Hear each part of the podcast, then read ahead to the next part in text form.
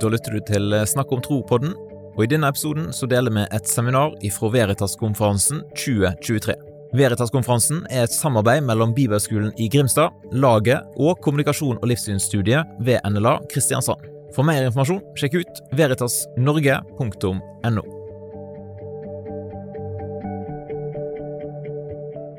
Undertegnede, altså Steinar, kommer fra det høye nord.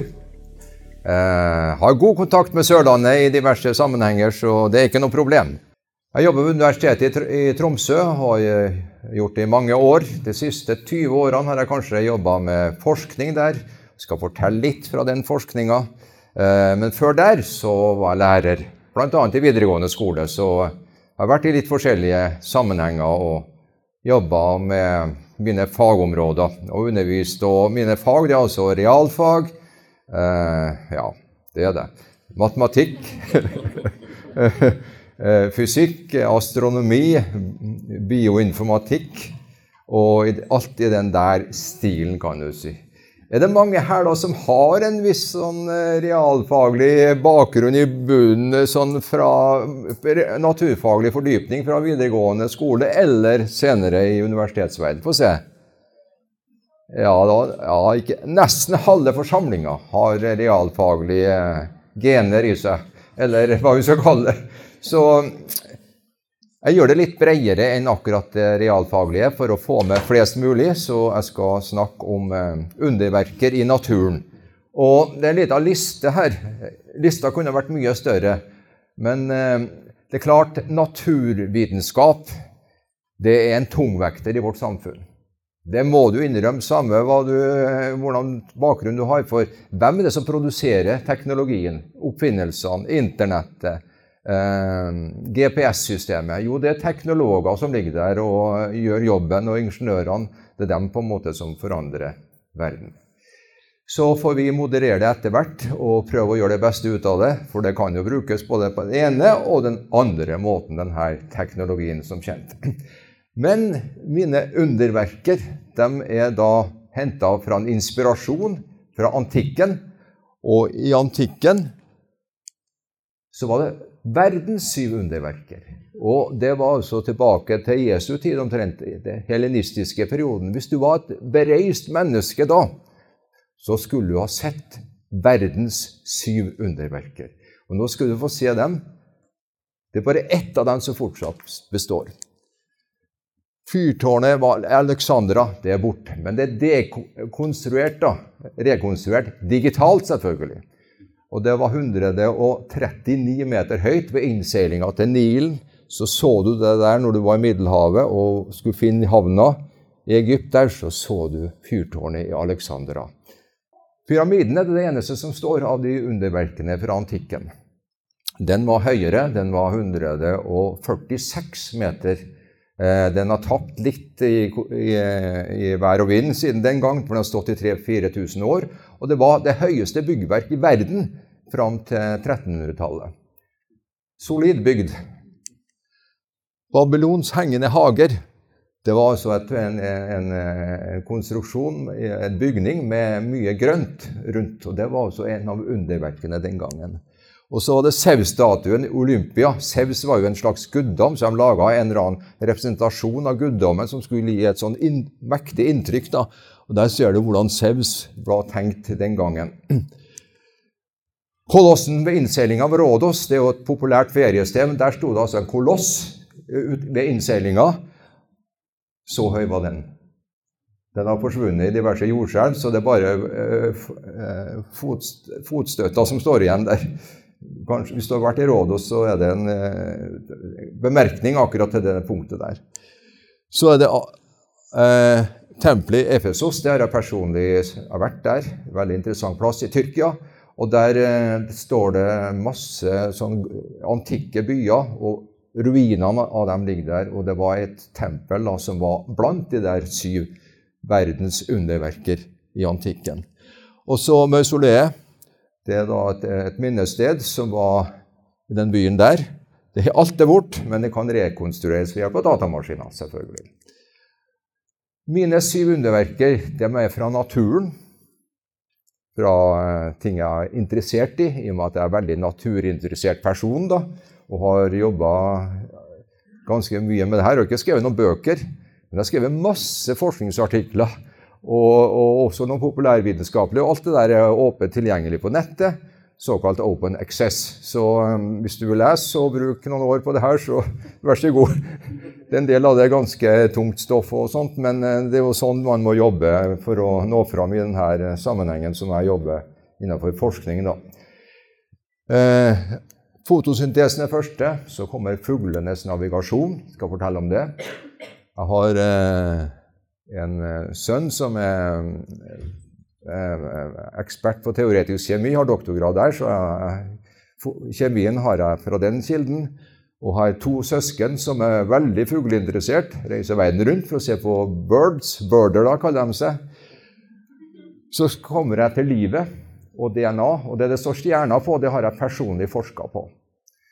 Så det, de tre der med stjerner, proteinmotorene og fine-tuning, altså finstemthet innenfor fysikken, det er ting som jeg har innenfor mitt, mine fagområder. Da. Og til slutt så er det da samspillet, altså totalsummen av de der andre. Selvfølgelig, her kan du også, som, eh, som det har blitt sagt før, si at det viktigste argumentet er to totalbildet du får. Altså syntesen, samspillet i de der eh, andre tingene da. Og vel å merke, jeg sier også at dette er bare en liste som eh, hvem som helst kan lage sin egen liste da, hvis du har har eh, innsikt i forskjellige ting i naturfenomener som du mener er verdt å framsnakke og, og, og forstørre litt. Ok. Først er det plantenes fotosyntese. Det er jo pensum i skolen. fotosyntesen. Det er altså en, en prosess som skjer i de planter, der den fanger opp karbondioksid, som vi er litt redd for i dag, og så bruker en vann. Og så får en energi fra sola når det er lys, og konverterer det da til oksygen. Og den der formelen der, det er sukker, glukose og vann. Og katalysatoren, hemmeligheten, trikket her, det er altså et, en, en eh, en katalysator, som vi kaller det, som hjelper prosessen fram. Og det der er altså grunnen til at det finnes næring til alle levende vesen på denne kloden. Det er den der prosessen. Ganske enkel prosess, er det ikke det? Altså Det er snakk om noen kjemikalier som mikses litt, og så kommer det ut noen nye kjemikalier i den andre enden. Vel, vel. Eh, det skjer slik i realiteten. Man tror f.eks. at det oksygenet som kommer ut i, til slutt i oksygenet i atmosfæren, det kommer fra karbonoksygenet. Men nei. Det kommer ut fra oksygenet i vann, H2O. Og oksygenet fra karbondioksid det da switches over til vannoksygen. Og det er et lite hint om at denne prosessen er litt mer intrikat og litt mer eh, innvikla enn vi i utgangspunktet tror. For nemlig det er ingen menneskelige kjemikere som har klart å få til den prosessen der. Den er utenfor vår rekkevidde. En gang klarer vi nok å få til prosessen ved hjelp av vanlig laboratoriekjemi og slikt, men vi gjør ikke det per dags dato. Jeg sjekka med min kjemiker om eh, hvordan det kunne gjøres i kjemilaboratorier ved hjelp av vanlig eh, kjemiteknologi. Så glukose, altså sukker Sukker er jo eh, f.eks. i stivelse er det jo lange kjeder av sukkermolekyler i polysakarida i, i, så som blir stivelse. Og det får vi fra poteter og fra korn og alt det der. Da, da får vi stivelsen. Den kan produseres fra glyserin, som igjen kan lages fra petroleumprodukter som igjen kan lages av olje eller kull. Det vet man. Men alt det her, det fossile spor etter planter. Altså Oljen er jo på planter som har levd en gang i tida og dødd. Kull er fra planter. Så hvis du skal produsere ett gram sukker, eller få til den der CO2-fangsten, så må du altså be plantene gjøre det. Det er jo litt paradoks, er det ikke det, at plantene kan en kjemi bedre enn oss. Slik er det. En liten illustrasjon her. Jo, sukker er jo næring altså i stivelse og andre ting. Her har ei teskje sukker. Ingen kjemilaboratorie kan lage denne sukkerskjea. Det er et klin hardt faktum. Dette produseres ved hjelp av planter. Og hvis vi skal gjøre det samme, så må vi bruke planter, fossile planterester eller gå til plantene og få jobben gjort i fotosyntesen. Det er fantastisk. Det er et hardt faktum. Produktene oksygen og sukker, altså den luft, luftmolekylet vi trenger i forbrenninga, og det næringsmolekylet vi trenger, kommer fra samme prosess. Det er altså en miljømessig genistrek, uten tvil. Løse CO2-problemet og matproblemet. Det er en matfabrikk.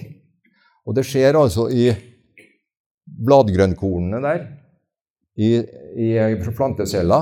Der skjer den mirakelprosessen som er fotosyntesen. Jeg snakka med en eldre kollega på jobben en gang. Hun fortalte at eh, hennes far var professor på Landbrukshøgskolen på Ås. Og når han hadde forelesning om fotosyntesen, da var det andaktstemning på Landbrukshøgskolen. Det var høytid, for det var en prosess man vet at man er avhengig av.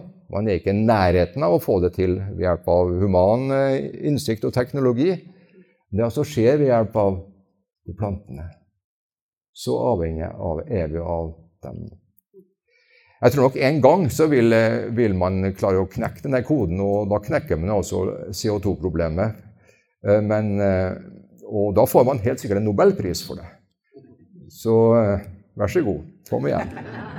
Det er ikke utenfor rekkevidde nødvendigvis. Men det er utrolig sydd sammen. Ja.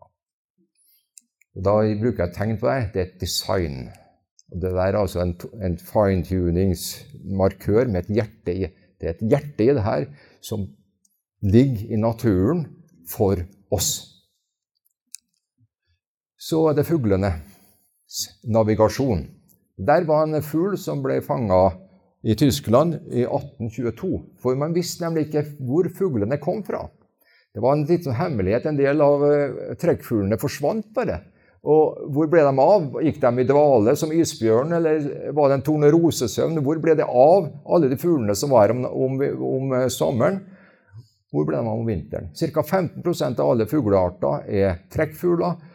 Og fra Norge er jo trekkfuglene når de kommer, veldig tallrike, slik at en 80% av fuglene forsvinner fra vårt land når det kommer eh, eh, vinter. De trekker sør. Og den pila der den løste litt av koden, for den sa det her var en pil fra Afrika. Det klarte man å identifisere at den var ikke fra, fra våre breddegrader. Det var fra andre, andre deler av verden. Og det tyder på at, at trekkfuglene, de, sånn, eller de fuglene som forsvant, da, de var i en annen verdensdel når um, vinteren kom. Og der er en fugl som eh, vi har klart å feste en sånn lyselogger på. Det er tamminksnipe. En liten fugl på vadefugl ut på Ikke vadefugl, men kystfugl ut på eh, kystområdene vi har.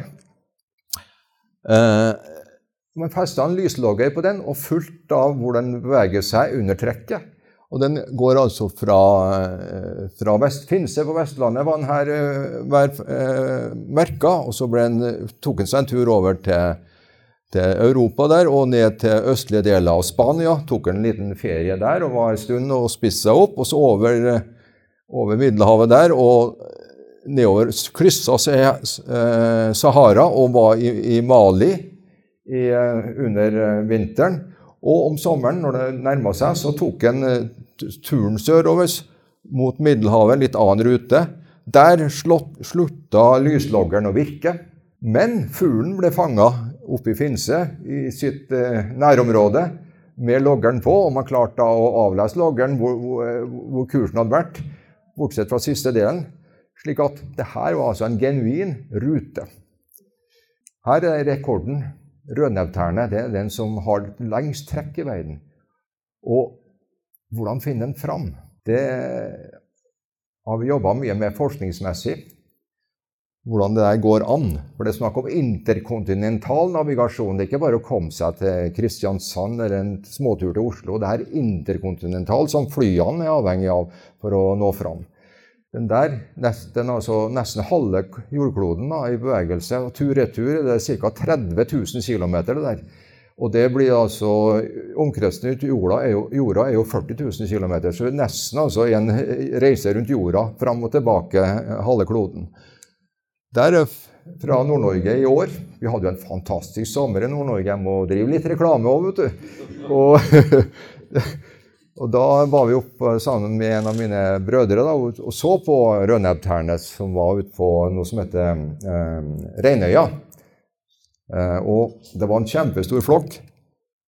Og de fløy rundt, og de er veldig gode til å fly. da.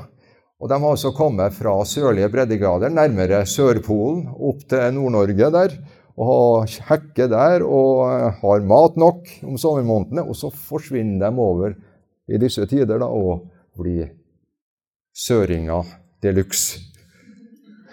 De har midnattssol både i, i januar-februar og i, i, i juni-juli. Slik at det, det, er solelskere, må det være. Men det er maten selvfølgelig som gjør at de gjør den jobben. Men hvordan er det her mulig? Jo, man har funnet, funnet et magnetsensitivt eh, protein som heter kryptokrom, Kry4, som en, altså, kan sense retningen i magnetfeltet. Og Det betyr at den har innebygd et kompass, sør-nord-kompass, styrt av magnetfeltet, i øyet. Slik at Det er en av hemmelighetene, at man vet retningen. Det vet jo ikke vi mennesker. Vi, er, uh, vi har ikke innebygd noe sånt. Vi bruker en GPS eller en kompassnål. Men de har altså et, et, et eh, magnetsensitivt eh, protein som gjør den del av den jobben. Der er koden, for det når det folder sammen, og det er da så budskapet der som har en sensitivitet for retning. Uh, I tillegg så er det flere andre metode, eh, stoff, eh, mekanismer bakom der, nemlig en mekanisme som, med, som lukter altså, altså, kjenner igjen lukt. Altså Alle områder har sin lukt, og vi har jo ikke noe spesielt god luktesans, da, men de her har superevne til å kjenne igjen sitt hjemmeområde på lukt. Og Den tredje mekanismen er visuell. Slik at det er da flere systemer som er integrert sammen til en helhet som gjør at en klarer altså å finne fram på meteren over kontinental eh, distanse. Forbløffende. Først i vår tid har vi kommet på det nivået at vi klarer oss å jobbe og navigere internasjonalt. Eh, men fuglene har altså av en eller annen grunn hatt med seg den der kompetansen innebygd i sitt, eh, sitt design fra starten av. Så den får også en designmedalje hos meg. da en wow-følelse. Jeg har egentlig lyd på den her, eh, som du får et, et utrop. Da. Eh, virka ikke akkurat her. Liv. Det er det tredje caset. Dette er en bok som nettopp har kommet ut. Dag Hessen. Den heter Liv bare. Og han, I reklame for boka så står det 'Liv er en bønn til leseren om å være takknemlig for det vinnerloddet'. Dag Hessen er en profilert humanetiker i Norge Uh, vært i mye debatter med han. Uh, han har en veldig direkte forståelse av uh, biologien bak det her. Og han er ganske ærlig også på de punktene.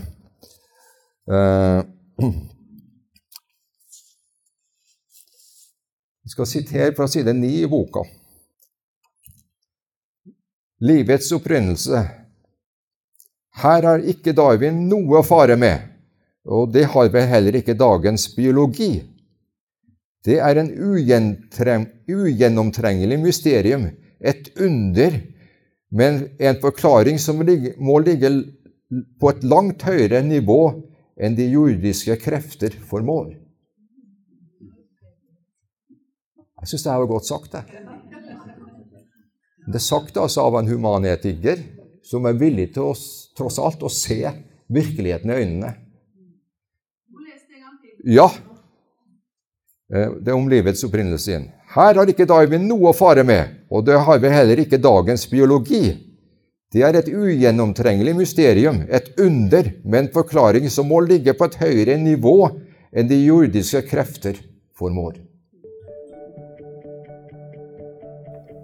Ønsker du å lære mer om kristen tro, og kanskje ha en digital dialog med en kristen e-coach? Sjekk ut nettkursene på kurs.omgud.nett. Eller kanskje kjenner du noen som kunne hatt glede av et sånt nettkurs? Da håper jeg at du har lyst til å sende deg et tips om den muligheten. Nettkursene er selvfølgelig 100% gratis.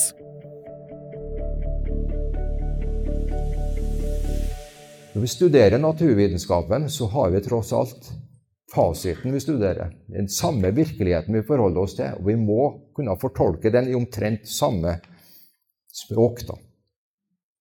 Ellers så bygger hesten veldig mye på filosofi. da, så han har noen filosofiske løsninger. Kanskje vi filosoferer oss fram en gang.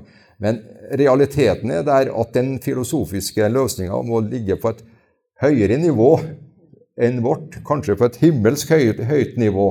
Så det her må fortjene en designpris. Og Dessuten så snakker han ikke korrekt om Darwin heller. For Darwin han sa følgende i sin mest berømte bok, og det siteres aldri.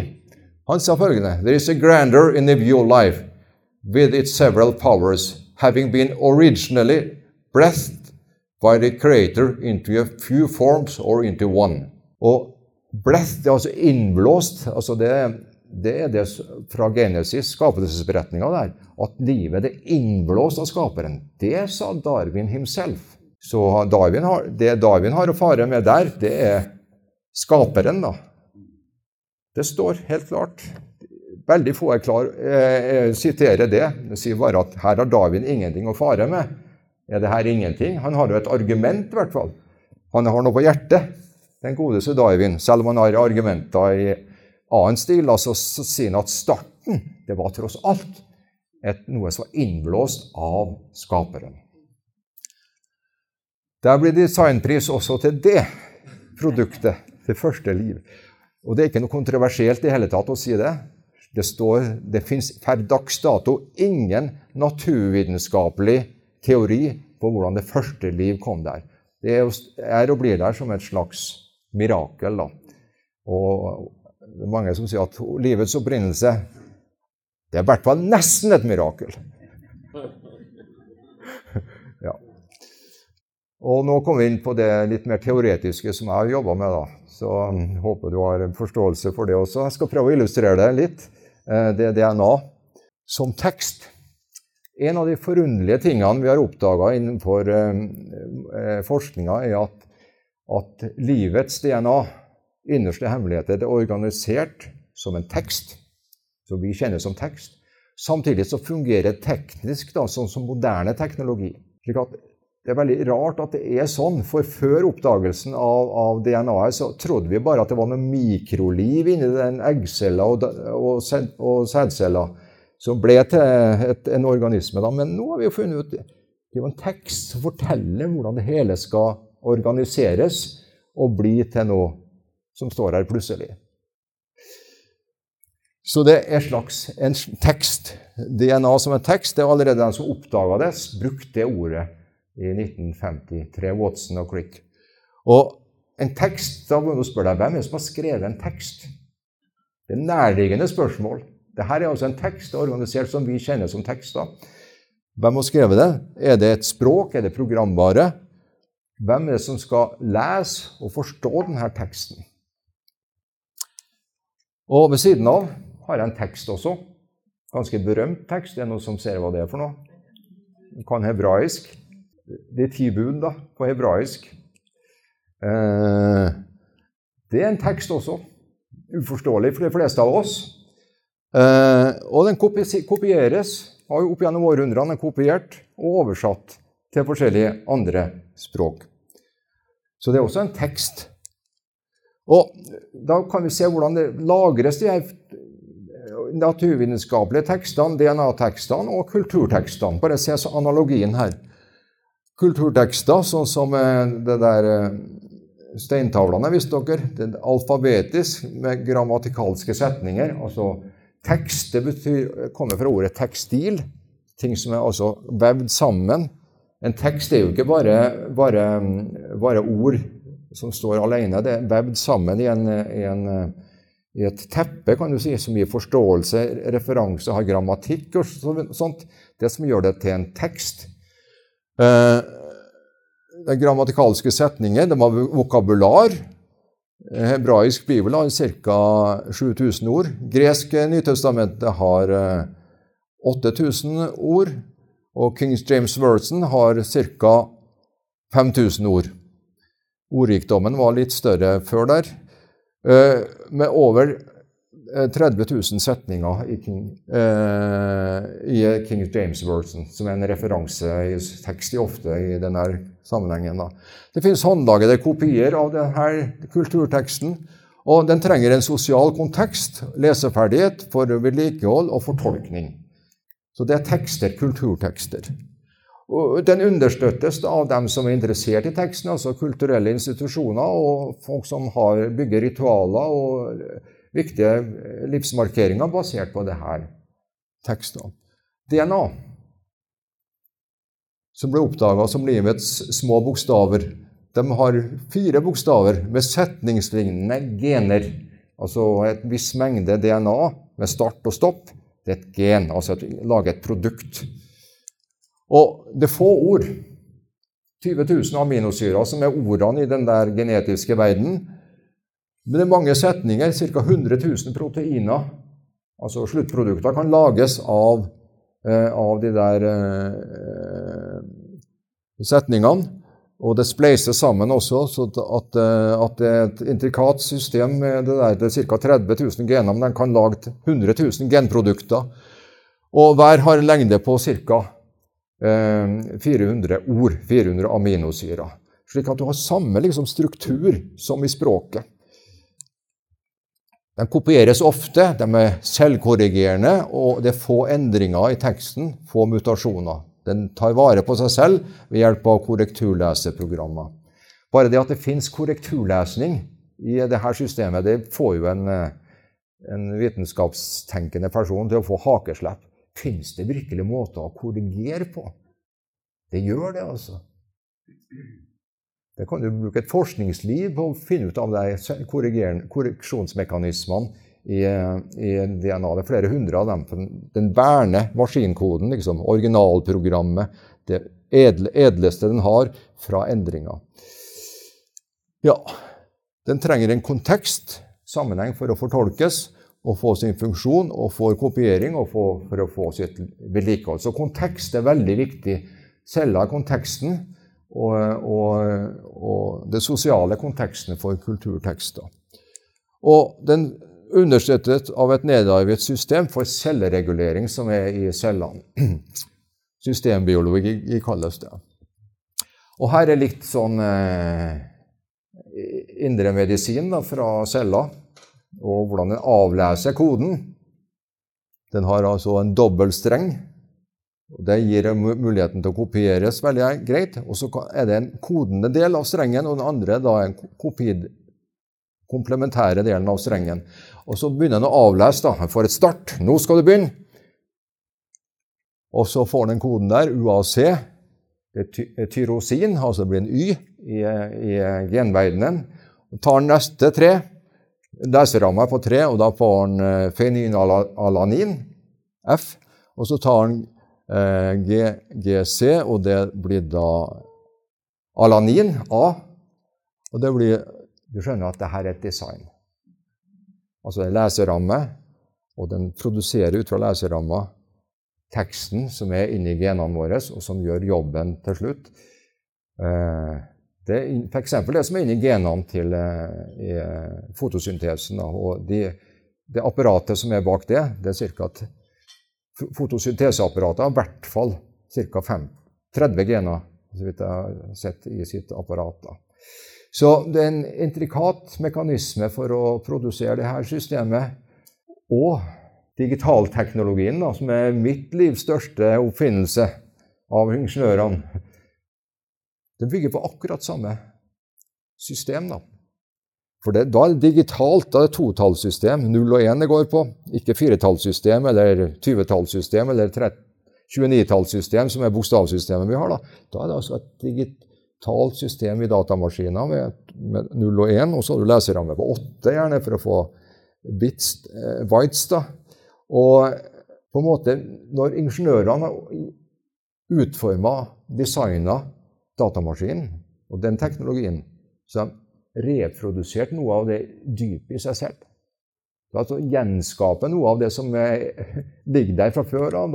Originalvaren, i, altså tenk, ingeniøren, har klart å gjenskape det i en annen kontekst da, ved hjelp av en helt annen teknologi, som er avhengig av strøm bl.a. Mens, mens biologiteknologien er avhengig av planter og mat, og veldig forskjellige mattyper den kan leve på. Så er digitalteknologien avhengig av en bestemt eh, spenning og strøm og, så videre, og ladning og sånt. Da. Men det er gjenskaping av noe i oss selv. Du skjønner her at En tankegang som liksom sprer seg over hele linja her, det er et system, en sammenheng i det. Det er sammenvevd på skremmende underfullt vis, for å sitere en viss bok. Ja, så kommer vi til neste punkt. altså selv, eh, Gener virker sjelden alene. De, de, virker sammen med andre gener.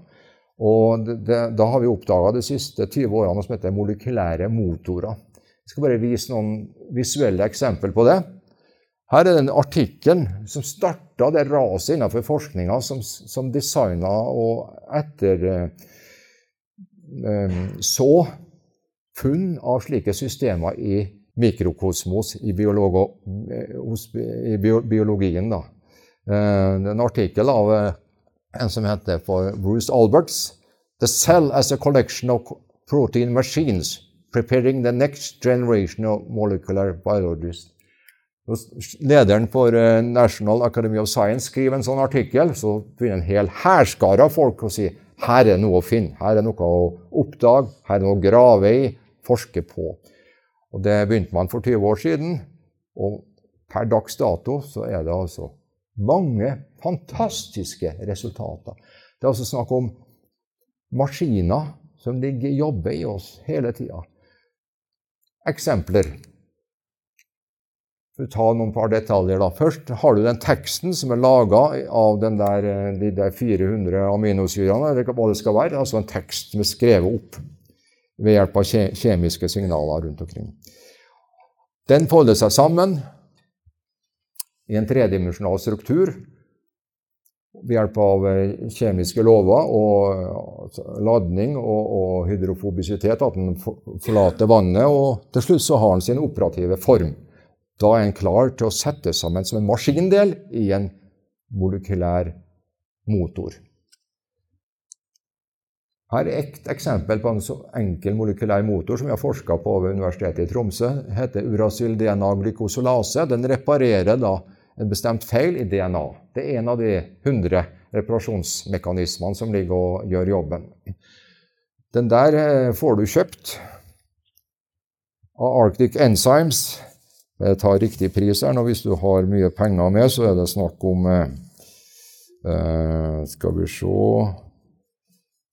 Den er Ja. To, 25 millioner kroner per gram. altså Grunnen til at noen er interessert i akkurat å kjøpe noe sånt, er at den kan ødelagt, ødelagt DNA kan denne her være med å reparere. Altså eh, Kriminaletterforskning og slikt, så er det interessant da, å, å ha DNA-spor som, eh, som, det kan være litt ødelagt pga. tidens tann og sånt. Og så kjører du gjennom reparasjon, og da får du da originalkoden tilbake. Så, men prisen er Du trenger ikke ett gram. Altså. Du, klarer med veldig lite, men altså, gramprisen er i den stilen der. Da. Det har jobba mye med i, Universitetet i Tromsø. Mange forskningsprosjekter på det. For, og det her er veldig sjelden. Det er bare en av uh, en liten hærskare alternativer som gir noe operativt uh, i den stilen her. For det skal både folde seg sammen i rommet, og så skal det gjøre jobben sin og knytte seg til, til DNA i tilfellet her. Da. Så det er veldig sjeldne ting. Her er en annen eksempel som kanskje er litt mer eh, direkte å forstå. Det er altså I cellene våre er det sånne kanaler, poriner, det er snakk om her. altså en, eh, celle, Membranproteiner kalles det. Et stort forskningsområde. For medisinerne er interessert i det der. For de fleste medisinene går på eh, membranene i cellene. Så, og medisin de har bestandig veldig mye forskningsmidler å komme med. Så eh, Derfor er det jobba mye med slike eh, akvaproteiner, eller membranproteiner generelt. da. Og De har altså en åpning i celleveggen som skiller da indre fra ytre. og Der kan det strømme vann mellom. Aqua vann. Vann, H2O, det er en veldig sterk sånn dipol med en negativ side og en positiv side. Og det røde oksygenet, som er negativt. Så det skrur seg gjennom det der som en vindeldør, og det er bare vann som slipper gjennom den der skrumekanismen pga. Eh, konfigurasjonen på det. Så den svinger molekylet gjennom, og det er ca. 1 milliard, milliard vannmolekyler de røde og grå her, som går gjennom i sekunder på én rekke på hver av de åpningene i cella vår. Og Peter Agra fikk nobelprisen for det der i 2003. Så bare en sånn sak gir deg en nobelpris. Han var på Universitetet i Tromsø her og, og, og besøkte oss, og han sa det noe som jeg merka meg veldig godt. da. Likte å høre det. Han sa så, for når du har vunnet nobelpris, da er du i Eliteserien. Da, da, da kan du ikke komme høyere i vår sammenheng, da. da han sa følgende til oss da, som hørte på, at eh, du, dere skjønner, sa han, at eh, nat naturen det er den som er mesteren her. Vi er bare elevene, sa han. Så han var ydmyk. da. Han, han forska på noe som var større enn seg selv. Han var en liten elev, og naturen var mesteren. da. Så han brukte det ordet. Der er en ganske berømt en. Kinesin det er en molekylær motor som foregår, foretar transport internt i cella og tar med seg søppel ut og næringsstoffer inn. Og Der er en animasjon av den, den eh, der kinesinmotoren det er altså den som eh, vi kan gjerne kalle eh, cellens pikkolo. Den altså foretar transporten. Og eh, jeg presenterer det for noen kollegaer på jobb da, som ikke har jobba med slike ting, og så sier de at ja, det her må være bare en, en, en analogi. Altså en, en, metafor som brukes. Det er, ikke ekte, det er ikke sånn i virkeligheten. Jo, det er det. Det er sånn det foregår i cellene. Altså, Vi har klart å få bilder av det der. Og de har føtter på en måte som går.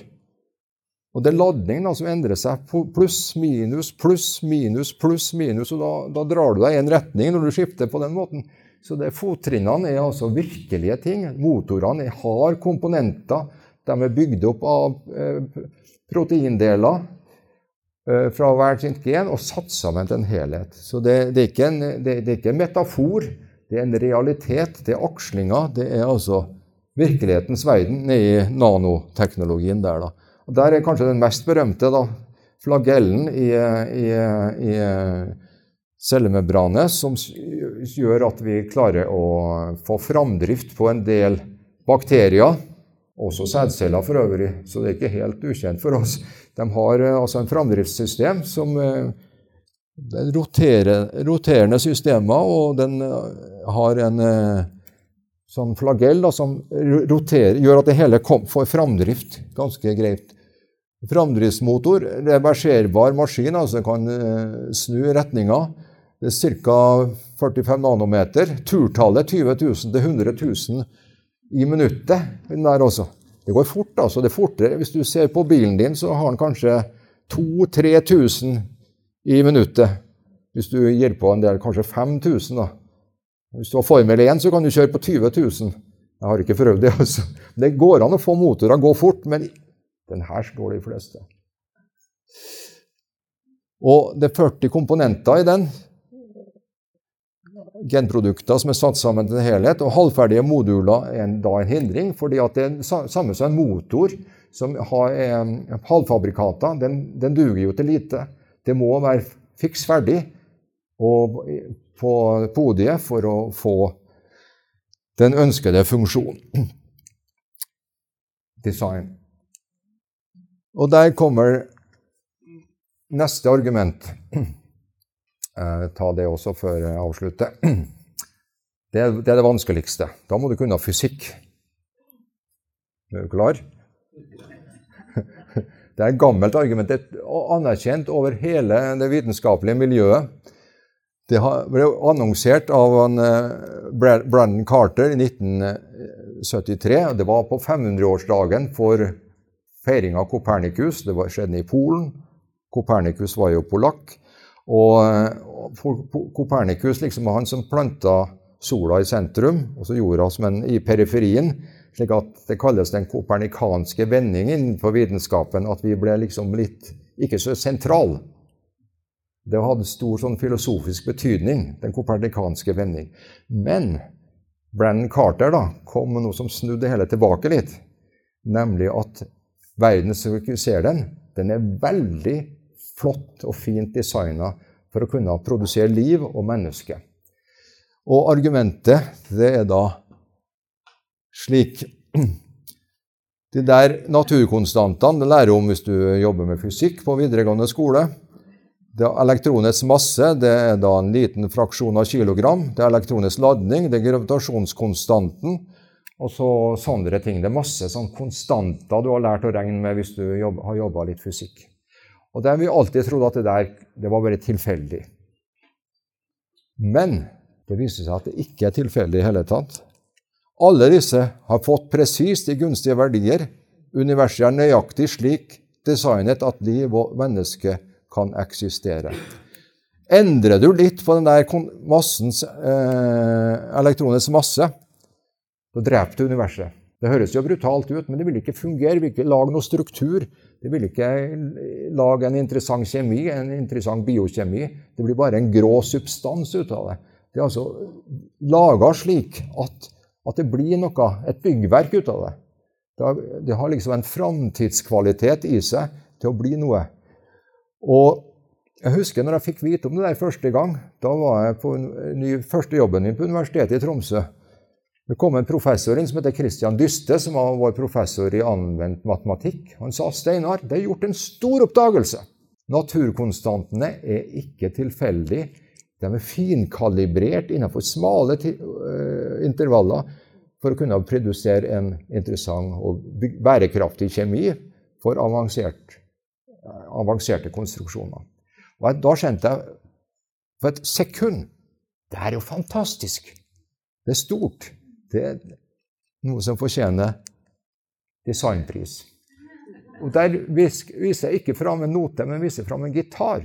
For det der kalles fine-tuning-argumentet innenfor fysikken. Jeg skrev masse bøker om det, artikler. Det står seg. Og det er det samme tanken som at en gitar dere som spiller litt, vet jo at en gitar det, det, er mange måter å stemme en gitar på falskt. De fleste er fa rimelig falske. Det er noen få måter du kan stemme harmoni da, med toner og overtoner på en gitar. Og det er nettopp slik universet er skrudd sammen, at det gir harmoni i byggverket. da. Så det er fine-tuning, finstemming-argumentet, eh, innenfor eh, fysikken. Ja. Pepperkaka er en annen illustrasjon. Baker du pepperkaker, så må kakeoppskrifta være rimelig innenfor eh, rimelige grenser for å bli noe spisbart. Bli, fungere som mat, altså behagelig, eh, god, skikkelig kost for oss. Det er ikke mye å gå på der. Du kan jo prøve Torbjørn Egert, Eger, Egers pepperkakevise, og bak etter den så vil du oppdage at det her går ikke. altså.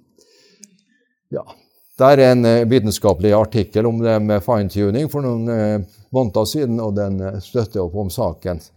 Selv om det her skjedde for mange år siden, så er det lite kommunisert, men det står fortsatt fast. Så samspillet i naturen er det siste argumentet. Helheten. Det er altså kretsløp i naturen overalt.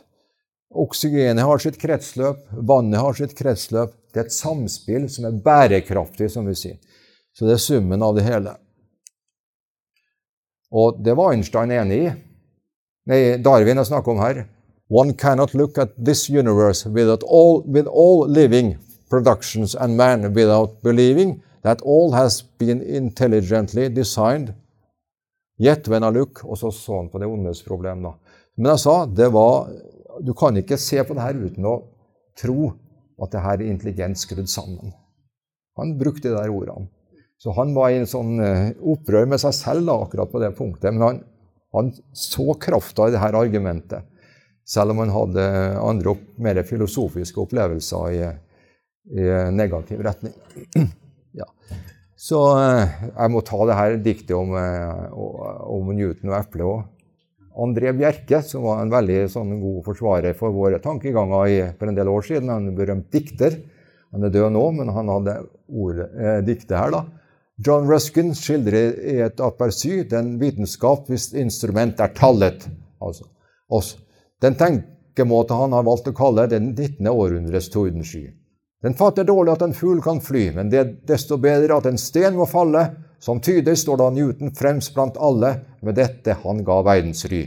Han ser et eple falle, og med rette har forskerånden tydet sin erfaring som tyngdekraftens virkning på en kropp. Han ser det tunge og overser det lette, for han vil ikke gi oss en forklaring på hvordan eplet først har kommet opp. Det er klart, der, der det store ligger. Et eple et rent naturprodukt. Fotosyntese og alt. Og du kan spise det uten å være redd for forurensning og bakterier og noe som helst.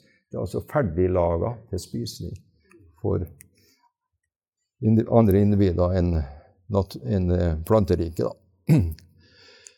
Ja, så eh, der var Einstein, han som jeg tok foregrep litt her. Han sa følgende, han var jød, jødisk forsker. I want to know God's thought, the rest are details. Han gikk for det store bildet. Det er det vi må gjøre.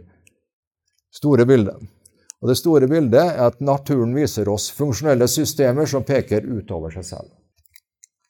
Genistreker og smarte synergier er implementert i skaperverket. Og det er veldig interessant å være med på å oppdage noe sånt. Det er, hel, det er helhetlig. Det er en symbiotisk planet, som man kan kalle det om. Altså ting som spiller på lag. Samhandling er veldig, veldig implementert i planeten. Og hvis du skal ha det på enkelt, formelt vis, som en uh, matematiker gjerne vil ha tingene Det er materie og tid og informasjon som skaper det biologiske universet og det, det kosmos vi lever i. Og den siste der, informasjon, det er en grunnbestanddel i vårt univers. Det har vært med å nylig nå publisert et paper på det hos Royal Society, som er en av de beste plassene du kan publisere ting i verden. Informasjonen, den er der. Du kan ikke fornektes. Den taler sitt språk til oss da, når vi bare ser det i øynene. Så på en måte er verden trinitarisk på denne måten også. Materien er der. Tida, den, den tikker og går asymmetrisk.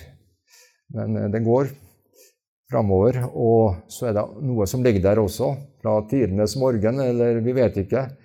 Men i hvert fall har vi funnet det, at det er informasjonsrikdom og designrikdom i den naturvitenskapelige delen av universet. Takk.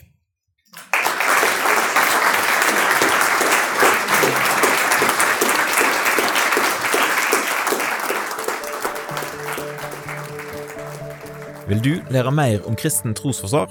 Ta turen på neste Veritas-konferanse, eller sjekk ut ressursene på snakkomtro.no.